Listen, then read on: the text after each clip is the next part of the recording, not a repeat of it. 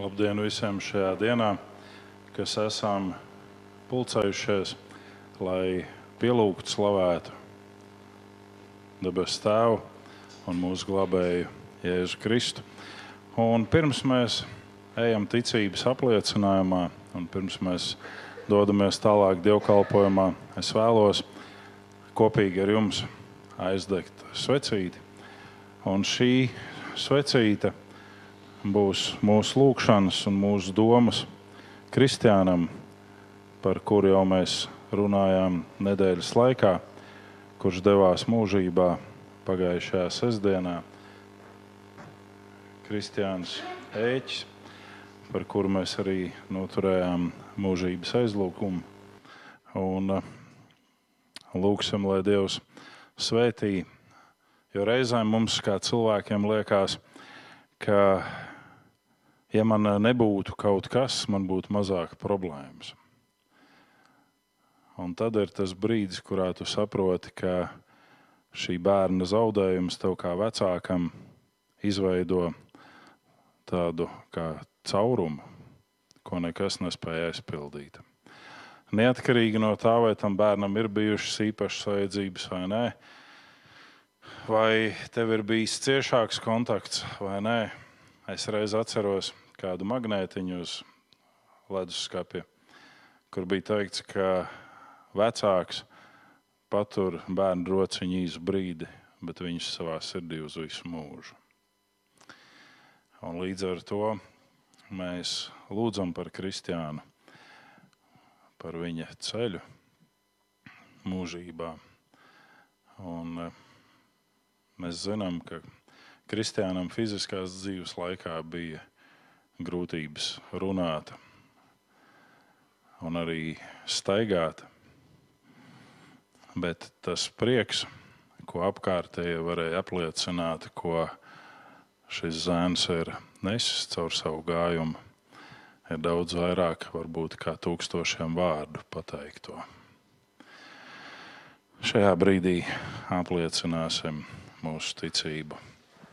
Mēs ticam uz Dievu Tēvu, visu valdītāju, debesu un zemes radītāju, un uz Jēzu Kristu Dievu vienpiedzimušo dēlu, mūsu kungu, kas ieņemts no svētā gara, piedzimis no jaunavas Marijas, cietis zem Poncija Pilāta, krustā sists, nomiris, aprakts, nokāpis ellē, trešā dienā augšām cēlies no mirušajiem, uzkāpis debesīs, sēdies pie Dieva visvaldītāja tēva labās rokas, no kurienes viņš atnāks tiesāt dzīvus un mirušus. Mēs ticam uz svēto garu vienu svētu, vispārīgu baznīcu, svēto sadraudzi, grēku piedošanu, miesas augšām celšanos un mūžīgo dzīvošanu. Āmen! Un vienosimies arī kopīgā dziedājumā.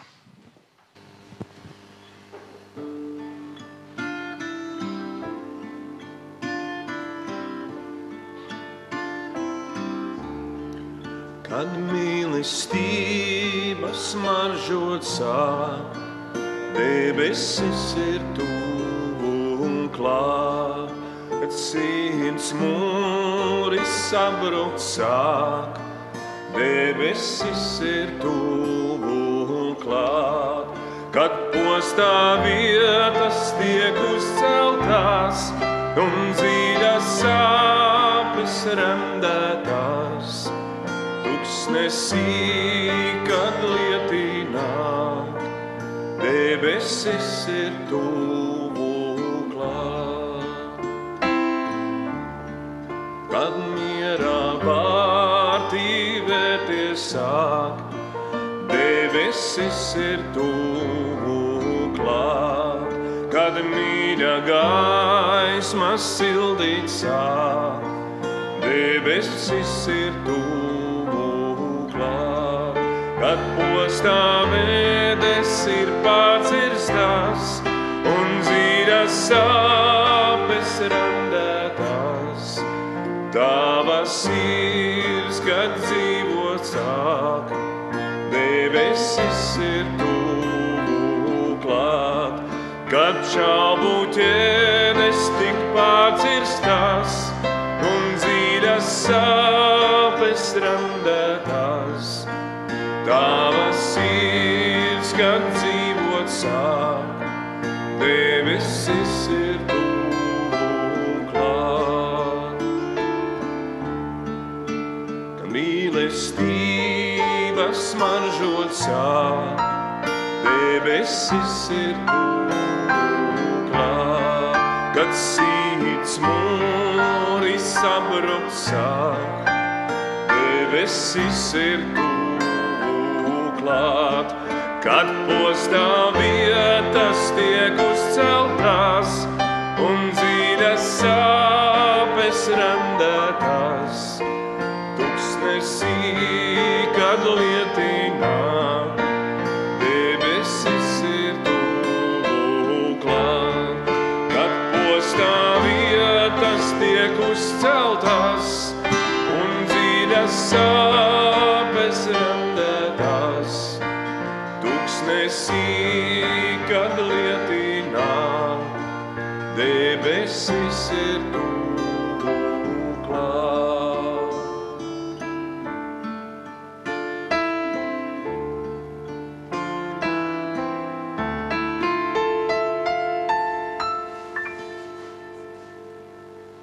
Tēvs, patiešām tu esi klāt ik vienam, kurš tevi piesauc, kurš tevi bīstās, kurš meklē tavu klātbūtni.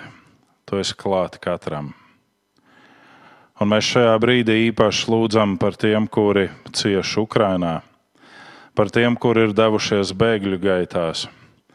Kungs, šobrīd mums vēl to īsti neizprast. Bet lūdzam tavu žēlastību, lūdzam tavu svētību, lūdzam tavu stiprinājumu. Katram no šiem, kas ir nonākuši slimnīcās, katram, kurš ir devies bēgļu gaitās, katrs, kurš ir piedzīvojis zaudējumu, kungs, lai ir tavs žēlastības apņemts. Un mēs lūdzam mieru pasaulē. Jēzus vārdā. Lai cik utopiski tas būtu, mēs lūdzam mieru, kungs.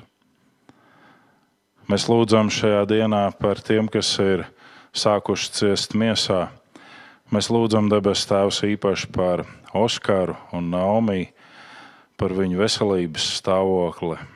Mēs lūdzam, Kungs, pieskaries viņiem un dāvā savu žēlastību gan tētim, gan mammai, eh, meitai, lai viņi top sargāti tevī, lai viņi piedzīvo tavu dziedināšanu un glābšanu.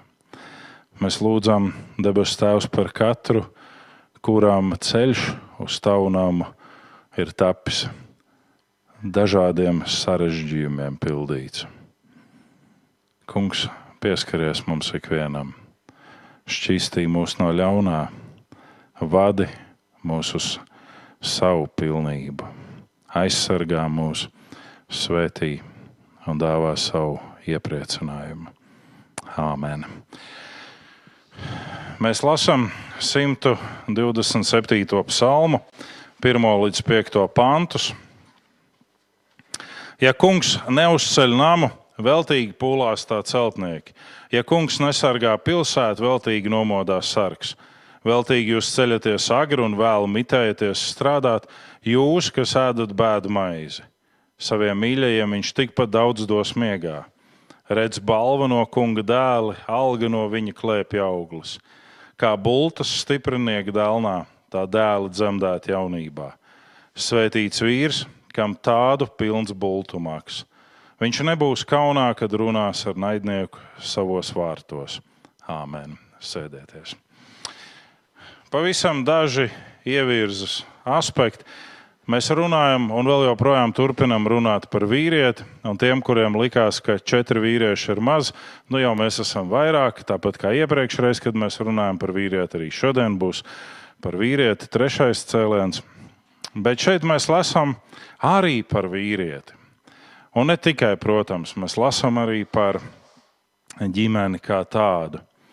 Bet pirmais ir šī bezmērķība, ko Dievs pasaka. Ja kungs neuzceļ namu, ja kungs nedarbojas pie tā, kas ir jādara. Un es jums gribu teikt to tādā mūsdienu salīdzinājumā, kur mēs varam piedzīvot, ja tas ir pēc dieva prāta, tad lietas dīvainā veidā pašķirās, sakārtojās, un mēs varam daudz ko izdarīt. Mēs kā cilvēki gribam mēnešiem un dienām cīnīties un iet kādā virzienā, un nekas nenotiek. Visi mēs atcitamies kā pret sienu un atkal kā pret sienu. Un tad, ja tas ir Dieva sirdī, tad tas notiek. Ne? Un par to runā šeit psalmišs šajā svētceļojuma dziedājumā. Viņš saka, ja kungs neuzceļ namu, ja kungs uzceļ namu, tad nav veltīgas nevienas pūles. Bet, ja neuzceļ, tad veltīgi darbojās tie, kas darbojās. Mēs sakām, kādi ukraiņi malači, viņi šitā turās. Ne? Es redzēju tādu karikatūru pagājušajā nedēļā, kur laivā atrodas pieci cilvēki, laivas aizmugures gals grimst, divi mēģina izsmelt ūdeni no laivas aizmugures ārā, trīs sēž priekšgalā un saka, labi, ka caurums nav mūsu pusē. Nē. Un tas ir tas, ko mēs kā cilvēki varam piedzīvot. Mēs sakām, nu, ko, ko tad es varu izdarīt? Nu, es varu noturēt aizlūgšanas par ukrāņiem, jā, to mēs darām. Nu, es varu ieziedot kādu naudu ukrāņiem, es varu nospēlēt kādu koncertu. Nu, jā, to mēs visi darām. Bet tajā pašā laikā mēs sakām, paldies Dievam, ka caurums no mūsu pusē. Vēl. Ne? Tur mirst cilvēki. Tajā vietā iet bojā, bet mēs varam pateikt vienu. Ja kungs nesargā katru no šīm pilsētām, veltīgi ir Ukraiņi vai jebkura cita tauta savā zemē, nomodā par pilsētu, ja kungs to neapsargā. Un tad mēs ejam tālāk. Bēdu maize ir tas, ko mēs redzam šeit.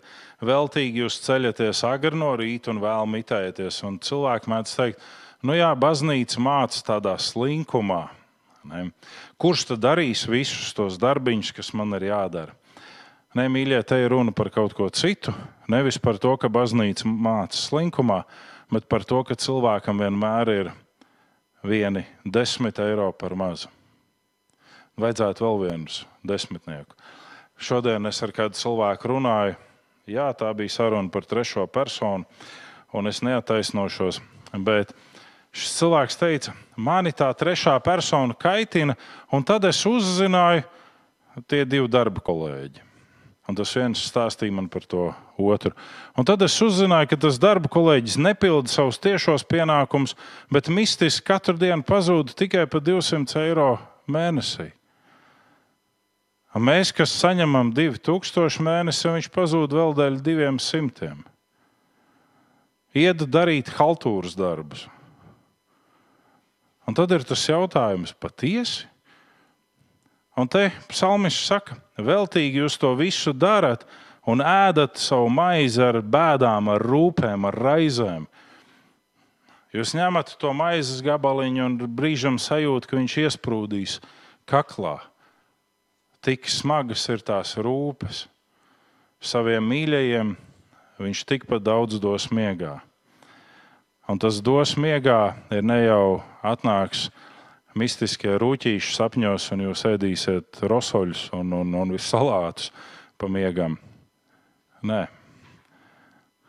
Bet psalmis atzīst jau apmēram tūkstotis gadus pirms Kristus ir šis atziņas moments miegs cilvēkam ir ļoti nozīmīgs. Un nevajag teikt, man pietiek ar mazāk. Kādā dienā tas summējās, kādā dienā tas sāk nākt ārā, tad, kad visvairāk vajadzētu celties no rīta, tad tu vairs nevari.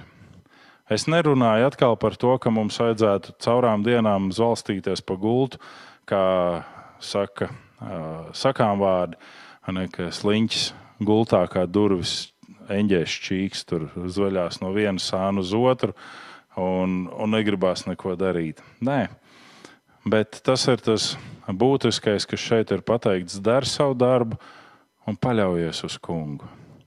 Un viņš dos svētību bagātā mērā. Un visbeidzot, nebūs kaunā, jo ir svētīts. Neatkarīgi no tā, kas ir tavs pretinieks, ar kuru tev ir jāsastopas. Ja tu turies cieši pie Dieva žēlastības apliecības, tad tu nepaliksi kaunā sastopoties ar pretinieku. To mums māca šis psalms. Un šodien arī mēs pieskarsimies tam, ka zināmā mērā vīrietis ir tas priesterības nesējs ģimenē. Par tām ģimenēm, kur meitenes uzreiz saka, jā, bet mans vīrs nav ticīgs. Jā, tas ir iespējams. Apostols Pāvils saka, neticīgs vīrs tiek svētīts caur ticīgu sievu, neticīga sieva caur ticīgu vīru. Savādāk jūsu bērni būtu slikti, bet tagad tie ir svēti. Ne? Jā, tā tas viss ir. Bet vīrietim ir dota šī atbildība būt par priesteri, būt par ģimenes šo garīgo vadītāju. Un par to arī runā šis psalms, ka primāri tā iniciācija nāk no vīrieša. Vai būt kā tam mierinātājam, arī tajās situācijās, kur liekas, ka pietrūkst 10 eiro, vai būt tādam līdzpanikotājam. Lai Dievs svētī mūsu ikvienu, un tikai mazs piemērs atcerēsimies brīdi, kad Dievmāte Marija tapa grūta, tad uh, viņas vīrs sākumā bija panikotājs. Viņš gribēja viņu slepus pamest. Viņš teica, es neesmu vainīgs es labāk notinos. Un tad nāca eņģēlis sapnī un teica, nē, nē, nē Jāzep, tu tā nedari. Un tad viņš ņēma Mariju pie sevis.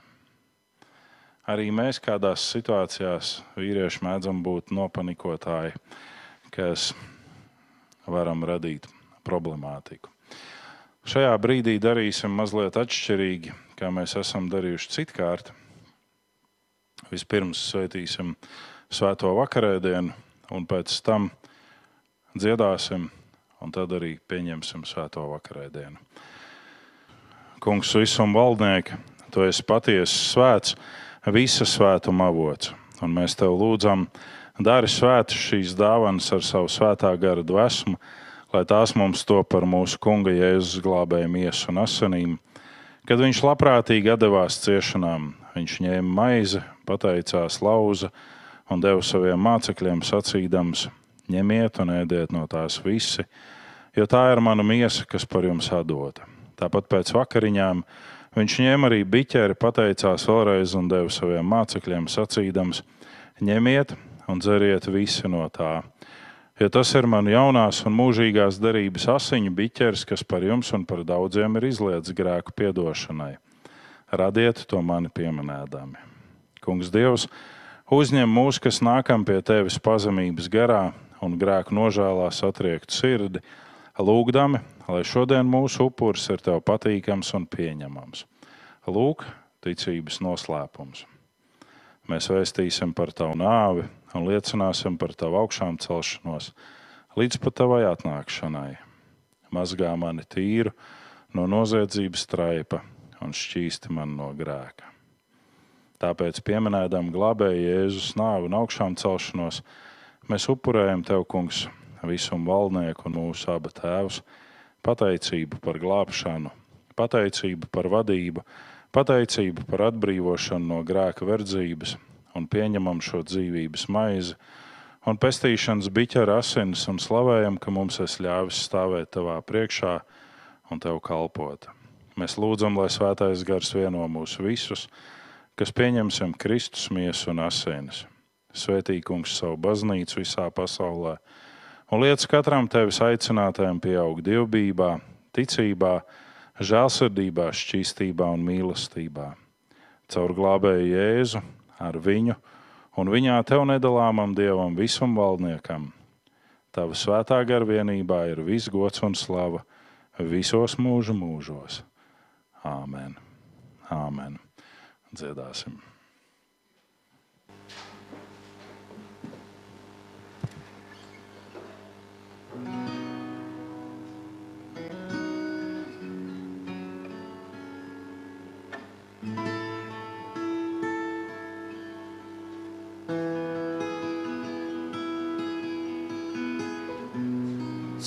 vienīgs jērs, kurš tika nokauts, svēts un nevainīgs viņš. Jaunu dziesmu dziedi viņam, debes tronī, kas sēž.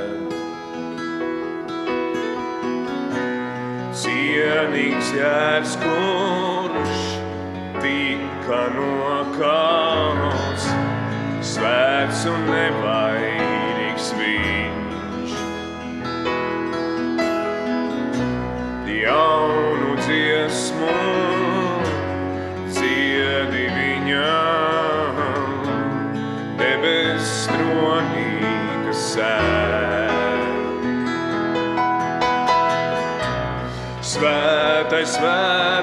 svētais, kungs Dievs visvarenais, kas bija ir un kas vēl nāks. Lai visa rādība ciet, lai slavēts radība.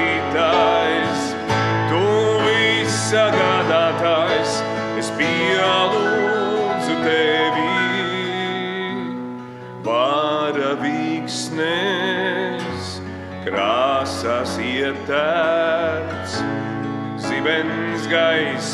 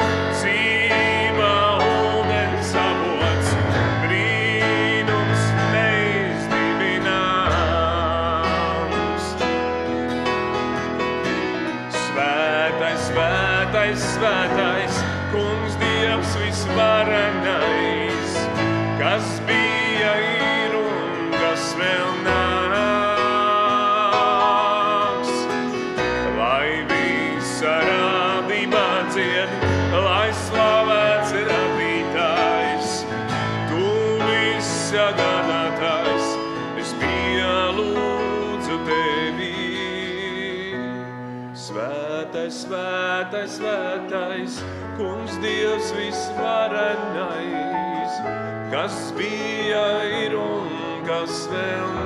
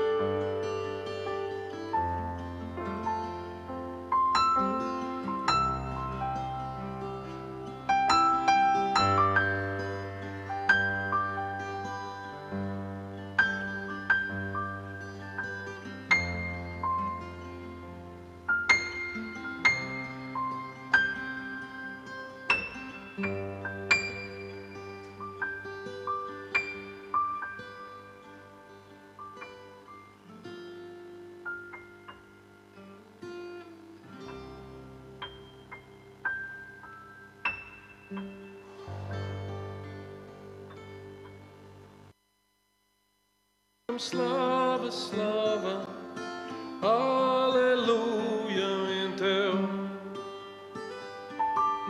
Visi kopā dziedam slava, slava, aleluja, vien tev. Slava, slava,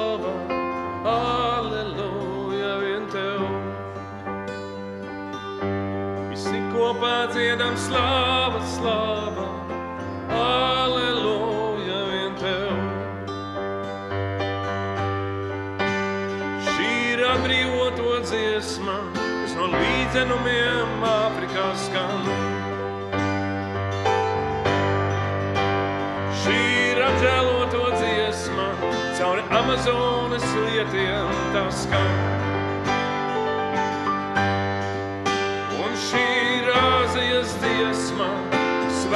Svētās mums piepildītā. Katra cilts, katra mēle un tauta mīlestības dziesmu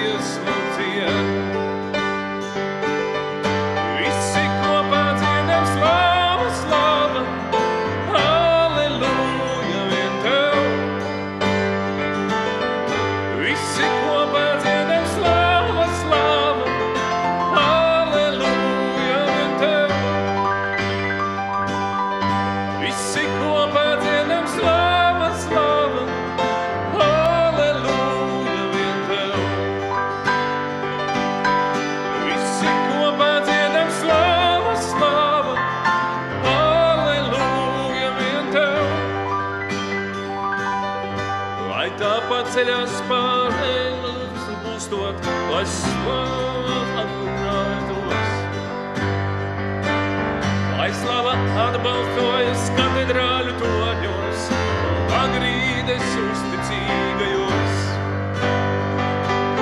No visām dziesmām, kas ir izdziedātas, dažām viens ir lemts pastāvēt.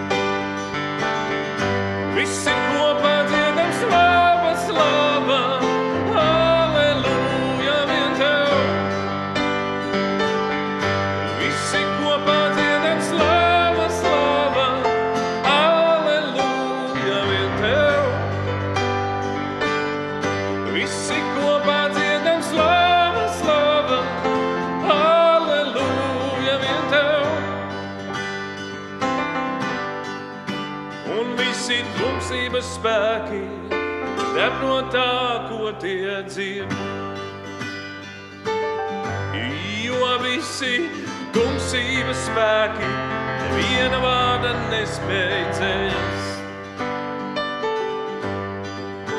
Un visi tumsības spēki deb no tā, ko tie dzird.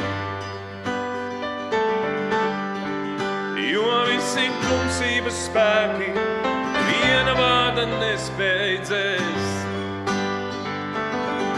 Visi kopā dziedam slāva,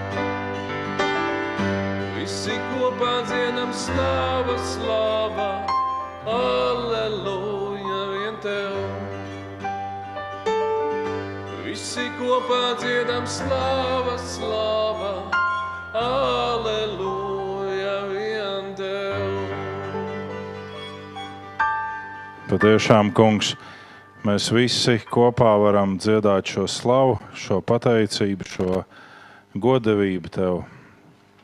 Pateicību par glābšanu, pateicība par tavu žēlastību, pateicība par svētību. Dažādā veidā un it visā. Un svētī šīs dienas svētdienas skolu un svētī arī mūs, esot kopā šeit. Āmen.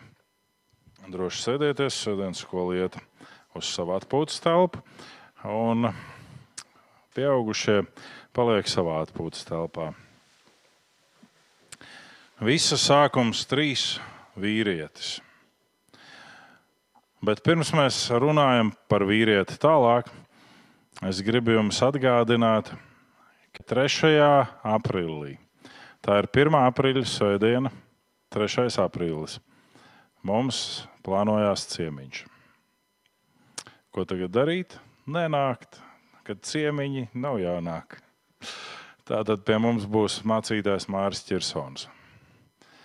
Pateicamies Dievam par šo žēlastību Un uh, lūdzam, lai šis laiks mums ir par svētību katram. Ne tikai viņš sēdēs zālē un priecāsies, ka var piedalīties, bet viņš arī runās. Un tā kā, lai tas ir tieši tas, kas mums ir nepieciešams to dzirdēt. Tad, kad mums bija saruna ar viņu par to, ko un kā runāt vai nerunāt, es teicu, pilnīgi mierīgi to, ko Dievs liek tev uz sirds, to arī varēs līdzdalīt mums ikvienam. Tā tad 3. marts mācītājs Mārcis Kirsons mūsu vidū. Aprīlis, jā, jā, jā aprīlis, nu, 15. maija mācītājs Čaks Kelijs mūsu vidū. Tā kā lūdzam par to iespēju arī Dievu, lai Dievs svētī mūsu ikvienu. Mēs it kā plānojam to nākotni tā, it kā nekādas vibrācijas pasaulē nenotiktu. Bet mēs jau nevaram neplānot to nākotni, dzīvot no dienas uz dienu. Tieši tāpat mēs katrs savā dzīvē, savā ģimenē, mēs plānojam, mēs darbojamies, bet kungs var ievest savas korekcijas. Ne. Iepriekšējā periodā mums ir bijusi iespēja aplūkot dažādus aspektus no vīriešu dzīves un vīriešu būtības. Bet tie vairums bija ar mīnus zīmi.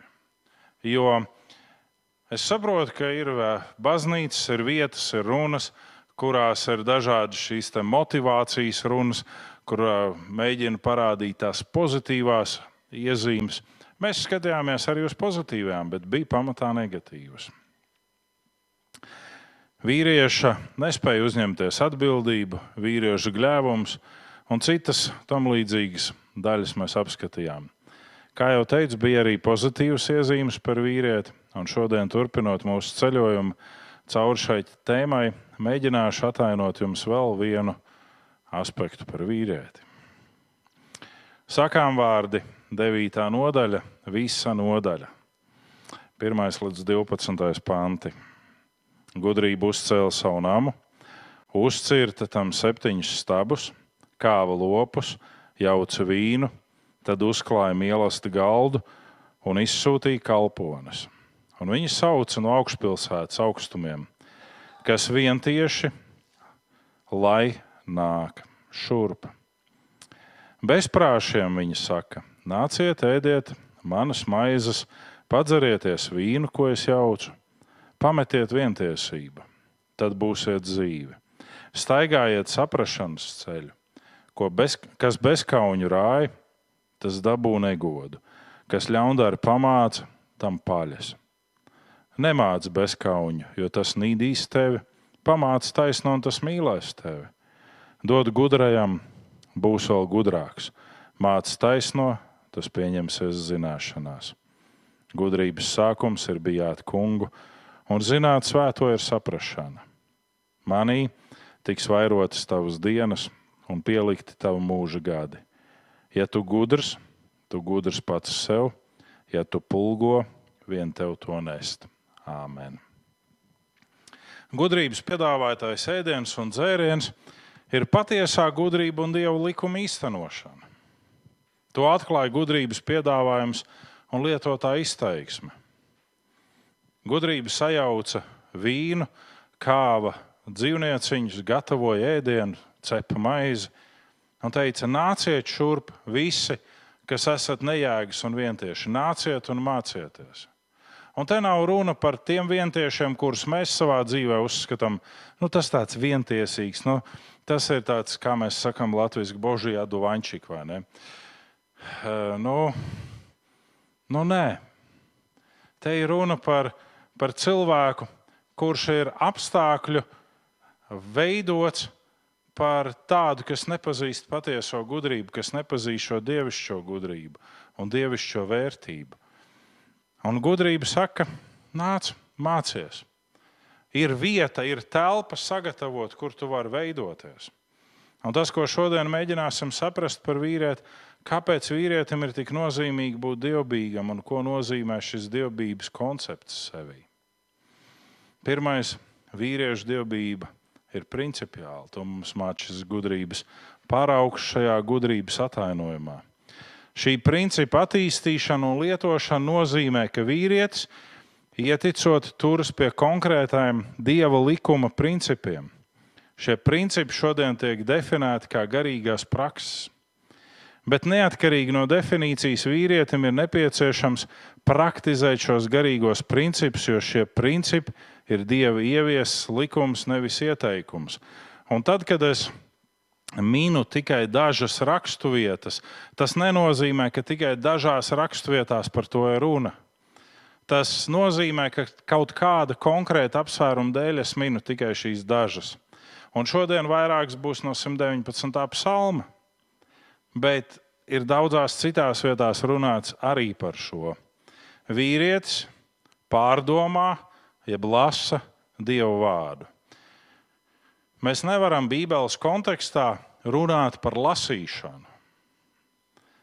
Jo tajā laikā, kad Bībele tiek sarakstīta, tikai sinagogās ir raksturītuļi un tikai templī ir raksturītuļi. Nav tā, ka katrs sevi cienošs, ticīgais turēja mājās raksturītuļus un no rīta un vakarā ritināja vaļā lielos ruļļus un lasīja pergamentu vai uh, nu jā, papirusu. Nē. Tāpēc pārdomā. Šodien mums ir neskaitāmas iespējas. Bībeles lasījuma draudzēji katru dienu tiek ielasīti, papildināti pēdējā laikā ar lūkšanu. Bībeles citāti parādās dažādās vietās, dažādā veidā cilvēki var lasīt. Cilvēki var ņemt savu elektronisko bībeli, savu fizisko bībeli. Cilvēki var uh, uzzināt šo dievu vārdu. Gideoni ir izdevuši ne tikai tās jaunās darības, ko dalīt pa labi, pa kreisi cilvēkiem, bet Gideoni ir izveidojuši arī ierunātu jauno derību un dažas grāmatas no vecās derības, kā telefona programmiņu. Katrs var ielikt savā telefonā, un braucot mašīnā, mūzikas vietā klausīties šo, vai braucot transportā, vai kaut kur pārvietojoties, vai sportojot, vai braucot ar velosipēdu, austiņas uz ausīm un klausās dievu vārdu lasījumu. Protams, ka mēs varam sākt uzreiz analizēt, ah, es pazīstu šo balsi. A, kāpēc viņš runā kā pilāts? Vai ne? Vai, jo tur ir pa lomām sadalīti tie lasījumi. Tas nav būtiski. Vīrietis lasa un pārdomā Dievu vārdu. Un mēs sakām, vai tad sieviete nevar lasīt? Nē, sieviete arī var lasīt, bet šodien mēs runājam par vīrieti un primārais ticības nesējs. Pagājušo reizi mēs noslēdzām ar Jeremijas grāmatas vārdiem, ka Dievs caur sievieti vedīs vīrieti pie pestīšanas. Bet mēs runājam par vīriešu pašatbildību Dieva priekšā. 119. psalms, 59. pāns. Es savus ceļus pārdomāju, tagad eju pie tavām liecībām atpakaļ. Tā tad es biju novirzījies kaut kur no tās takas, kas ir tavās liecībās aprakstīta, bet tagad es nāku atpakaļ pie šīm liecībām. Tagad es atkal atgriežos. Un turpatās 8. un 9. pāns. Tavs likums es sargāšu, nepamet mani, nepamet mani nemūžam. Kā lai zēns dara šķīsu savu taku, tik turēdamies pie Tava vārda. Vīrietis pārdomā, vīrietis lasa, vīrietis uzņem šo dievišķo uh, pamācību sevī. Cilvēki šodien ļoti interesanti izsakās. Es uh, nedzirdu dieva atbildes uz saviem jautājumiem. Un tādās situācijās es parasti esmu teicis un saku, to nevar dzirdēt, kamēr tev bībele ir aizvērta. Tu nevari dzirdēt, tev bībele stāv aizvērta. Vēl citas grāmatas ir sakrautas tavai bībelē virsū. Kā tu vari dzirdēt Dieva balsi? Nē. Vīrietis lūdzu, slavē un sarunājās ar Dievu. Tā tad tas ir vīrieša aicinājums, ja tas ir dievišķais uzdevums vīrietim lūgt, slavēt un būt sarunā ar Dievu. 119. psalms, 7. pāns. Es tevi slavēšu ar taisnu prātu un mācīšos tavas taisnības tiesas. Un turpat 62. pāns. Pusnaktī ceļos slavēt tevi par tavām taisnīgajām tiesām. Vecticībnieki ir tāda grupa savā laikā veidojusies no Senslava pareizticīgo baznīcas. Un šie ļaudis pieturās pie pavisam cita lūkšanu grafika, jeb lūkšanu laiku izjūtas. Un viena no lūkšanām vecticībniekiem ir uh, 3.30 naktī. Un uh, burtiskie vecticības izpildītāji ceļās un lūdz tajā laikā. Pēc tam viņi iet atkal gulēt.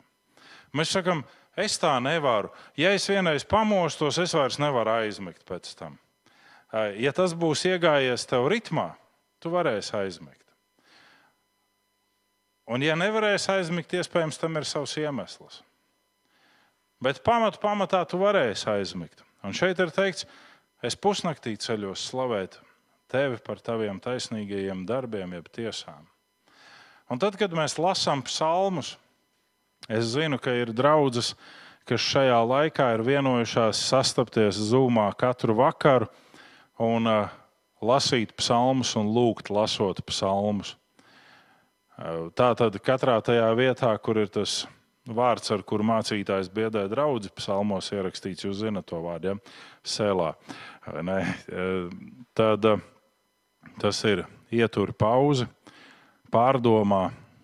Un tajā brīdī tad lasītājs apklust, un visi, katrs savā mājvietā, var lūgt Dievu par to, kas ir lasīts līdz šim. Ne? Un psalmis saka, es ceļos tevi slavēt par tavām taisnīgajām tiesām. Kā var Dieva tiesas būt taisnīgas, ja mēs kādreiz viņu lūdzam iztiesāt? Mums par labu, tur, kur mums nebūtu tiesības viņa tā lūgt. Bija kāds puisis, kas nāca pie Jēzus un teica, Jēzu, tu parunā ar manu brāli. Viņš negrib dalīties ar mani mantojumā. Jēzus viņam teica, kas man ir iecēlis tev par tiesnesi vai mantas dalītāju? Vai Jēzus saka, ka likumam nav nozīmes? Nē, tur tādu vietu nevar atrast. Tā nāca tagad. Tā kā var nemeklēt PowerPoint. Nav tāda vieta. Vai likumu var atmest un nepildīt? Nē, Jēzus to nesaka. Jēzus saka kaut ko pavisam citu. Ja tavs brālis uzskata, ka vienīgais veids, kā viņam nodrošināt savu labklājību, ir apkrāpjot tevi, tad ļauj tam notikt. Jo Dievs tev var dot desmitiem tūkstošiem reižu vairāk. Kā tas, ko brālis ir izdomājis, ka viņš šobrīd paņems ar varu, ar, ar kaut kādu veidojumu, ar spēku. Ne? Un atstājam to dievu tiesā tik tālu, cik tas neskar mūsu maksimālu iesaistīšanos un mūsu domu piesaisti šim jautājumam, atstājam Dieva tiesai to visu un ļaujam, lai Dievs iztiesā. Mēs sakām, jā, bet man jau vajadzētu tagad. Un tad mēs sākam runāt no Karlsona brālītes? Vecāki, cik es jums esmu vērts, vai simts tūkstoši miljoni. Jā, nu tad iedodiet mazliet skaidrā sunītam. Mēs jau tāpatās pie Dieva tuvojamies. No Dievs, ja es tev esmu tik ļoti vērts, nu tad, nu tad rūpējies par mani. Man vajag tagad īstās lietas, sasniedz īstajā brīdī īsto cilvēku. To var gribēt tagad, un tas nenotiek. Bet tad nāk īstais brīdis, un tu pat varbūt jau esi aizgājis prom no tās vēlmes un gribēšanas, un tad tas notiek. 1. Timoteja vēstule, 2. nodaļa, 8. pāns.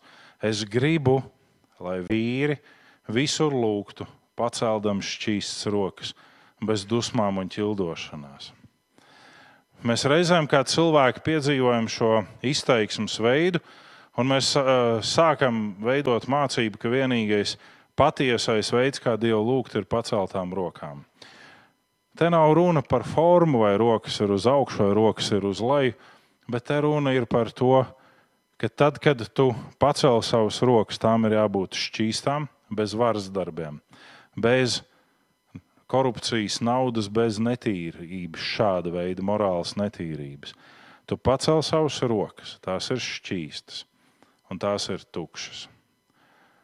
Un tad, kad tu dievam norādi uz savām tukšajām rokām, viņš var tās piepildīt.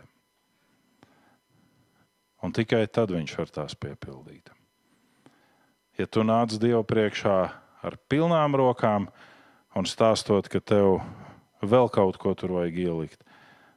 Viņš tur nevar ielikt neko. Tas, ko tu lieto šodien, lieto ar pateicību Dievam, bet tā, ka tas tev nepieaug pie sirds. Vīrietis neapzoga Dievu. Un tas ir vēl viens mazais, ko mēs skatāmies zem šī lielā vīrieša dievbijība, ir principiāla. Marka evanģēlijā 12. nodaļā, 17. pantā mēs lasām tādu interesantu tekstu. Jēzum jautāja garīgie līderi tā brīža, vai drīkst maksāt nodokļus. Un Jēzus jautājums bija: parādiet man monētu. Un tad, kad parādīja šo monētu, viņš jautāja, kam, kā attēls ir uz šīs monētas. Un viss vienbalsīgi teica, nu kā, nu Cēzara. Cēzars tur ir attēlots.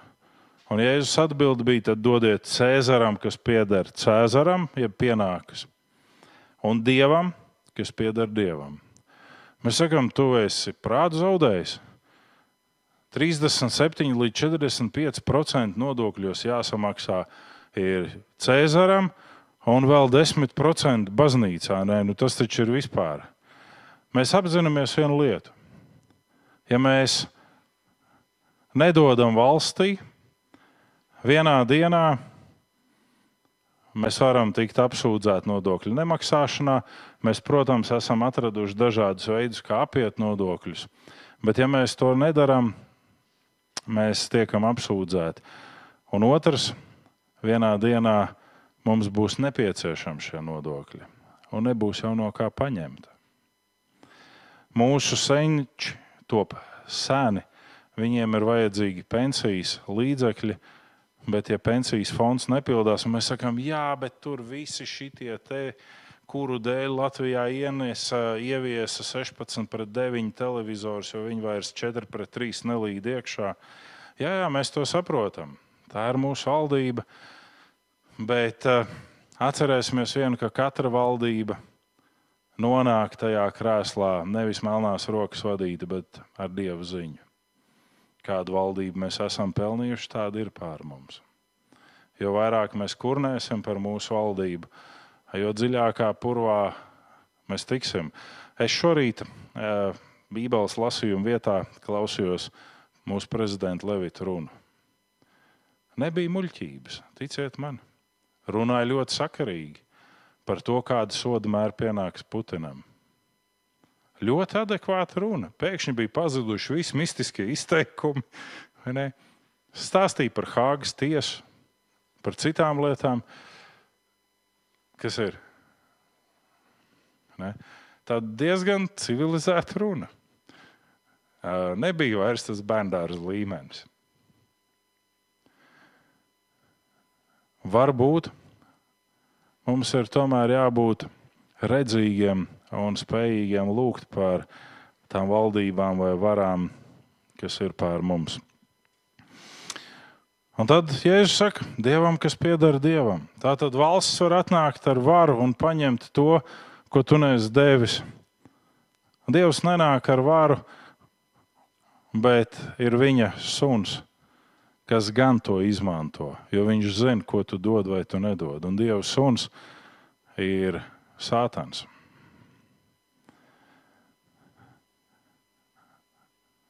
Un nedodot dievam to, kas pienāks dievam, tu piedzīvo to, ka tavi ikdienas līdzekļi sāk šūpoties, tev sākās mistiski maksājumi par lietām, kuras tu varētu arī nemaksāt, un tur aiziet daudz vairāk procenti kā desmit. Un Malahijas grāmatā 3 un 8 mēs lasām, vai cilvēks var aplaupīt Dievu, bet jūs aplaupat mani. Jūs sakat, kā tad mēs tevi aplaupam? Ar desmito tiesu un ziedojumiem. Tas ir veids, pie kura vīrietis pieturās principiāli. Lai cik man tas būtu nepatīkami, lai cik man tas būtu grūti, es šobrīd studentiem stāstīju vienu latviešu tautas pasaku. Un bija pārsteigts, ka neviens no viņiem šo pasaku nezināja. Un tā pasaka bija tā vienkāršā par to, ka Latvijā bija laiki, kad vecos ļaudis, kad tie kļuva vairs nespēcīgi darboties mājasolī, vilka ar agaviņām uz mežu. Un tad, kad tēvs aizvilka savu tēvu uz mežu, līdz bija viņa dēls un teica, tēti, bet mums vajadzētu ragaviņus paņemt uz mājām. Un tēvs jautāja, kāpēc? Nu, ar ko tad es tevi vilkšu, kad pienāks tavs laiks? Un studenti bolīja acis un teica, ka viņi nezinot šādu pasaku. Ne? Un mēs redzam, ka tajā laikā, ko sauc par Bībeles laiku, cilvēkiem, vīriešiem piemita tendence aplaupīt Dievu arī šajās rūpēs par senčiem. Jo pat halaha, jeb farizēja likums, paredzēja, ka, ja tev ir jārūpējās finansiāli par tavu senci, tu drīksti to naudu ziedot dievam, un tad tev vairs nav jārūpējās par taviem vecākiem. Un Jēzus saka, jūs pārkāpjat dieva likumu, izpildot cilvēku likumus. Un gala beigās, ja es ziedoju dievam, neviens jau nezina, cik daudz man tas vecais sensis sapēdīs. Tur var būt 10 eiro, un tur var būt 100 eiro. Bet dievam es pasaku, a priori tur summu nu, 50 eiro lūdzu. To es ziedoju. Tas netiks manam sensim, tas tiks tev, Dievs. Viss. Mēs sākam sekot šīm halahām, nerūpējoties. Jo tad, kad mēs lasām, ka vīrs atstās tēvu un māti, tur nav runa par to, ka vīrs pārtrauks pildīt savus pienākumus pret saviem vecākiem. Bet viņš emocionāli atstās savus vecākus tur, kur ir viņi. Tā tad mēs ejam tālāk. Vīrieša dievbijība pastāv ticības krīzēs, jeb vīrieša dievbijībā pastāv ticības krīzes. Un šeit mēs redzam vairākus. Elija pēc uzvaras Karmelkalnā piedzīvo brīnišķīgu dievu manifestu. Tā ir tā vieta, kur eh, tauta nezina, kuram dievam tad sekot Bālam vai tad, uh, Jahvem. Uh, Un Elīja saka, ka Jahve ir dzīvais dievs, un Bāla priesteris saka, ka Bāls ir dzīvais dievs un patiesais, un tauta tur klibo uz abām pusēm. Un tad notiek visi šie manifesti, brīnumi un uguņi no debesīm, un Elīja metās bēgt pēc šī manifesta. Un tad ir brīdis, kur viņi baro Dievs tuksnesī, un tad Dievs saka, nu nāc, Elīja, mums te bišķi ir jāparunā. Un Elīja saka, bet es viens esmu palicis tāds pareizais, labais un kopā ar tevi. Un Dievs saka, nē, nē, nē Elīja, tā nav. Man vēl ir 7000 tādi kā tu. Elīja piedzīvo ticības krīzi. Šis spēcīgais pravietis, kuru uz gadu gadiem pēc tam sauc par ugunīgo pravieti.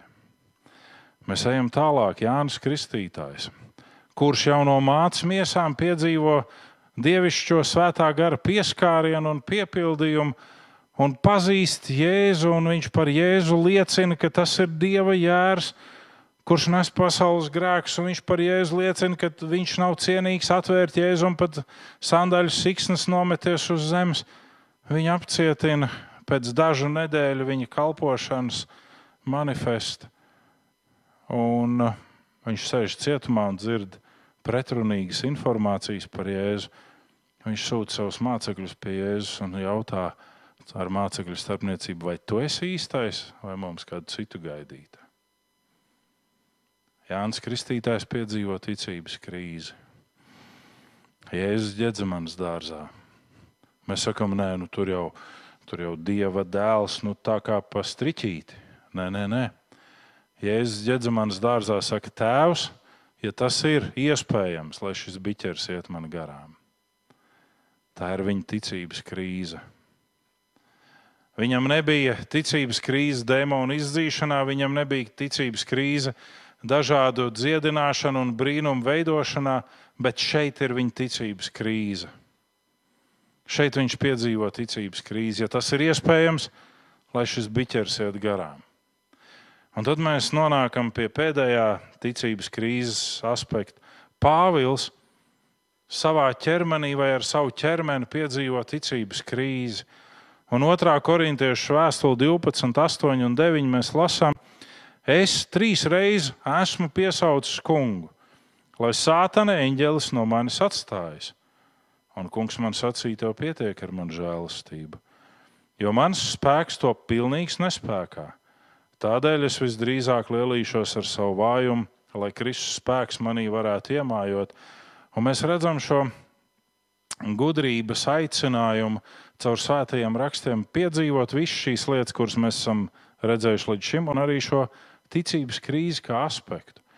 Mēs sakām, jā, kāpēc Dievs klausīja lūgšanas tajā brīdī, bet šajā brīdī vairs neklausās šīs lūgšanas. Tāpēc, ka tajā brīdī Dievam vajadzēja atvērt tavu apziņu un saprast to, ka Viņš var palīdzēt tev, bet tad tu sāk spēlēties ar šo ticību Dievam. Tad tu tā kā jā, un tā kā nē, un tā kā jā, un tā kā nē. Tā kā tuvāk Dievam, un tā kā tomēr nē. Ir cilvēki, kas ir piedzīvojuši fantastiskus Dieva darbus savā dzīvēm ko varbūt daudz citu arī gribētu piedzīvot, bet viņi ir to piedzīvojuši savu ticības ceļa sākumā. Un tad viņi ir sākuši nu, tā, spēlēties ar Dievu. Un tad ir nākuši daudz lielāki pārbaudījumi viņa dzīvē un daudz lielāki sitieni.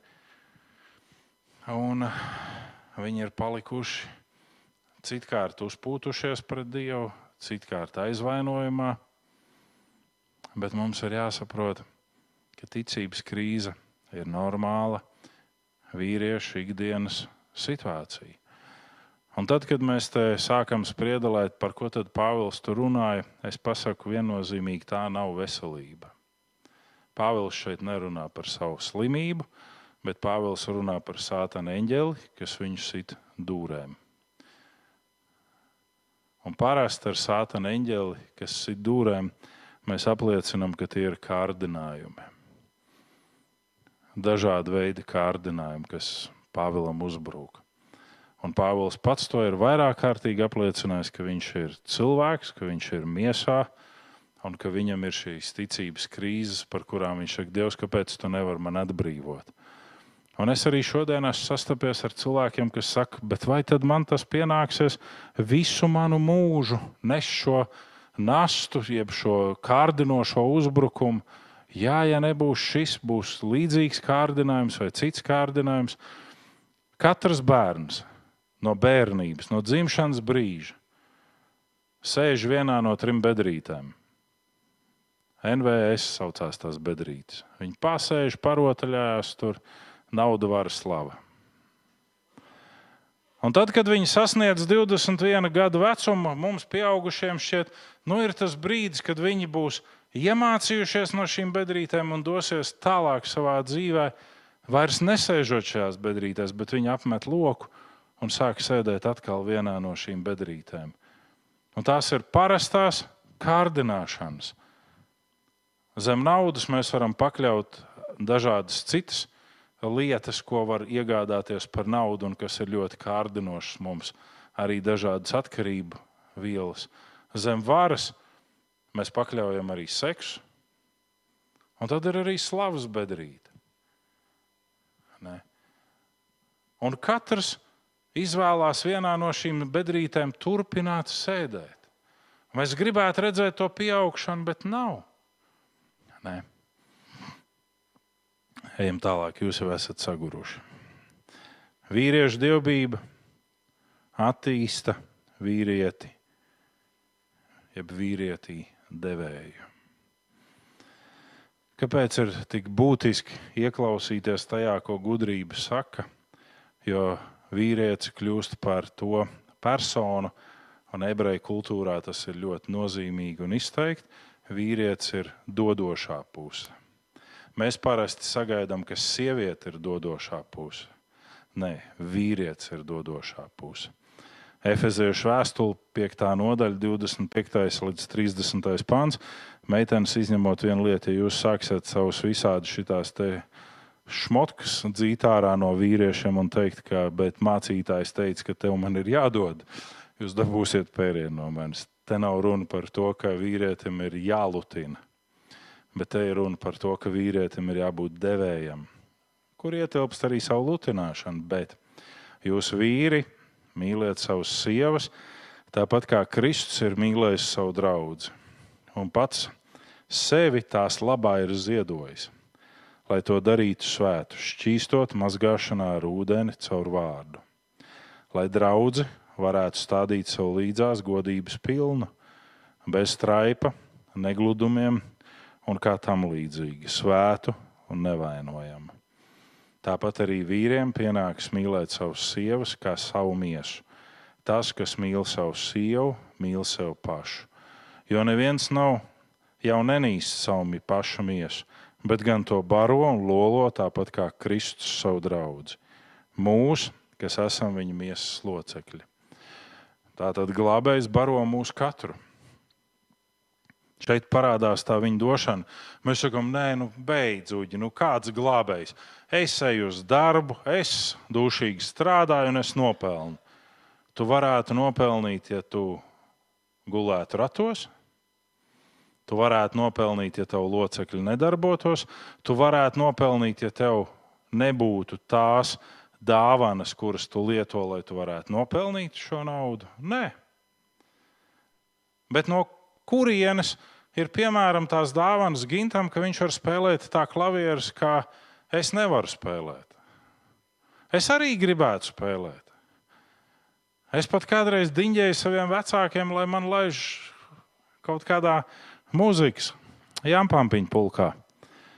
Nesanāca. Viņiem likās, ka tā tikai tāda bērnišķīga iegriba, ka es tur aiziešu, kaut ko paklimparēšu, man apniks un vairs nē.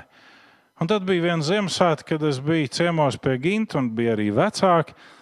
Es apsēdos pie klavierēm un maģija skanēja klaidarmaņa kasete, un es sāku spēlēt līdzi Rudolfu, to sarkandegunu,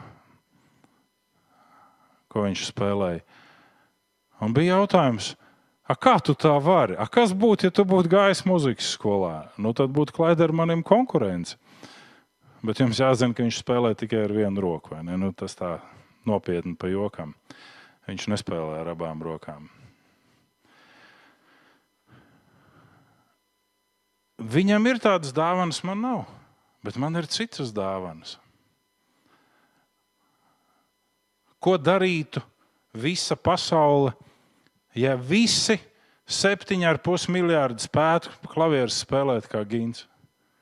Kurš spēlēja ģitāru? Kurš sistu bungas?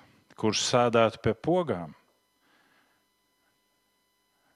Mēs katrs esam savā vietā, un tā ir Dieva svētība, ka mēs varam būt šajās vietās, kur mēs esam. Un šobrīd paskatīsimies uz vienu narratīvu, kas ir ierakstīts Lūkas evanģēlijas 16. nodaļā, no 19. līdz 31. pantiem. Jūs zināt šo narratīvu, es ticu. Jēzus stāsta, ka bija divi vīri. Un šeit mums nav jāredz divas fiziskas personas, bet divi koncepti, kas ir ietverti šajā. Bija divi vīri, viens tērpās purpurā, smalkās lindrānās un lepni dzīvoja ikdienas bet viņa durvju priekšā gulēja kāds, pušumiem klāts, varbūt pat smirdēja vārdā Lācars.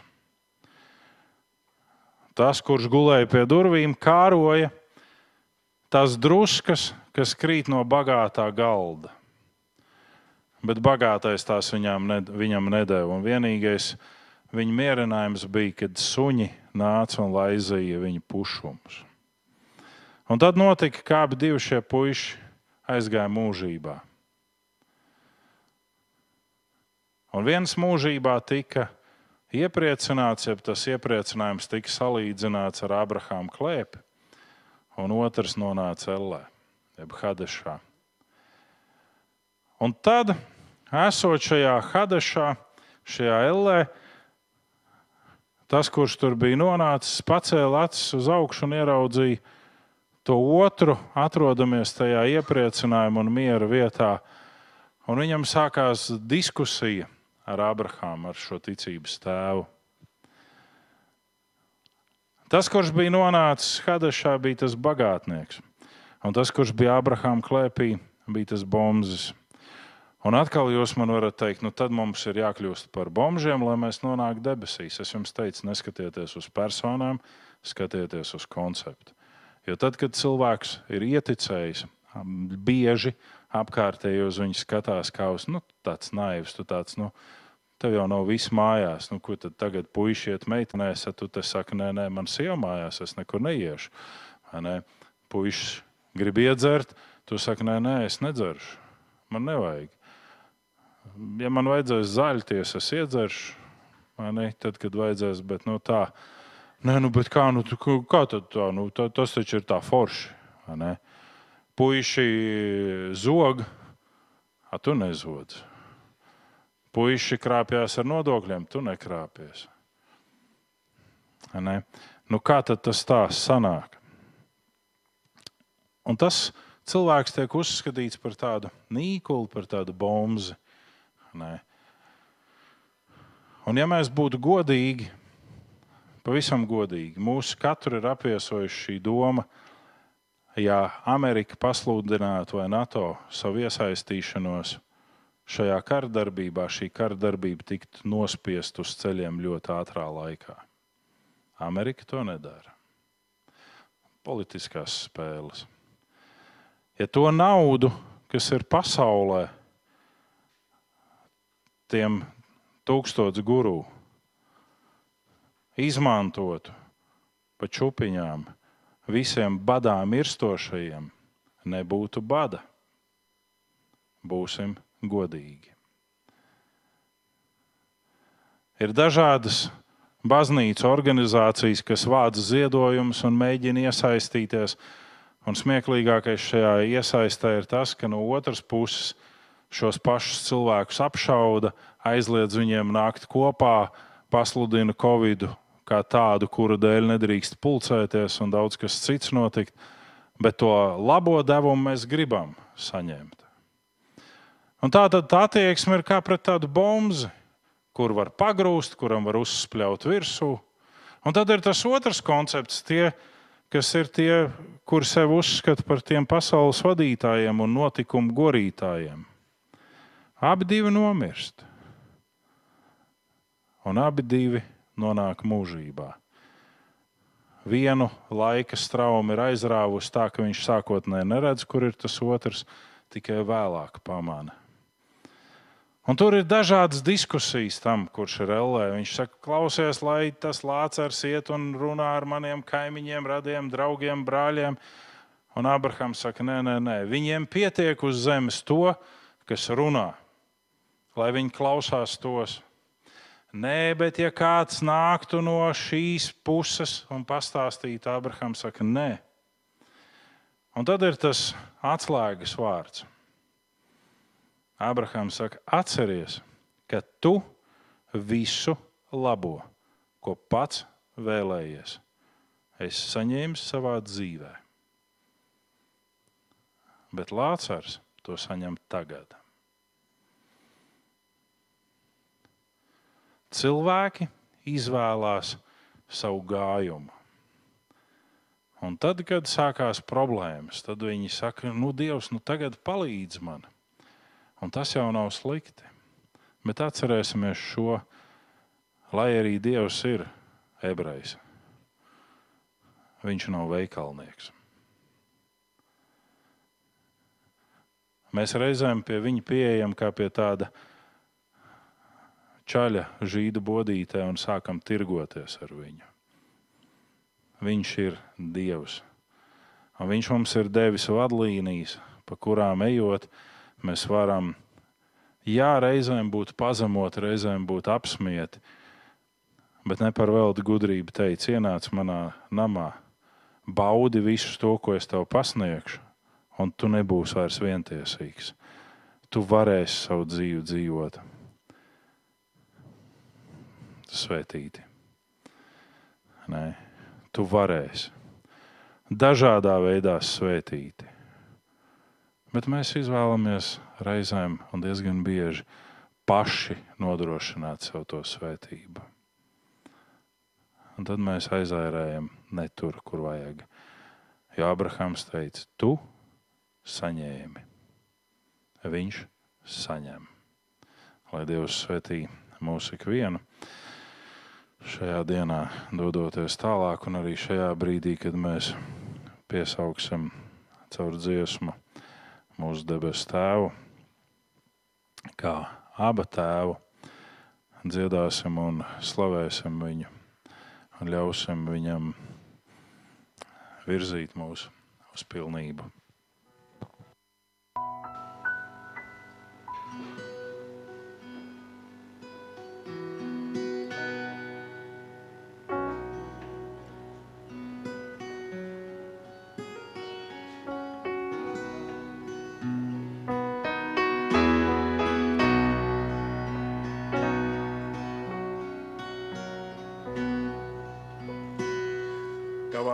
Priekšā uzvaigā, krītu mans tēvs, sirdī salauztu.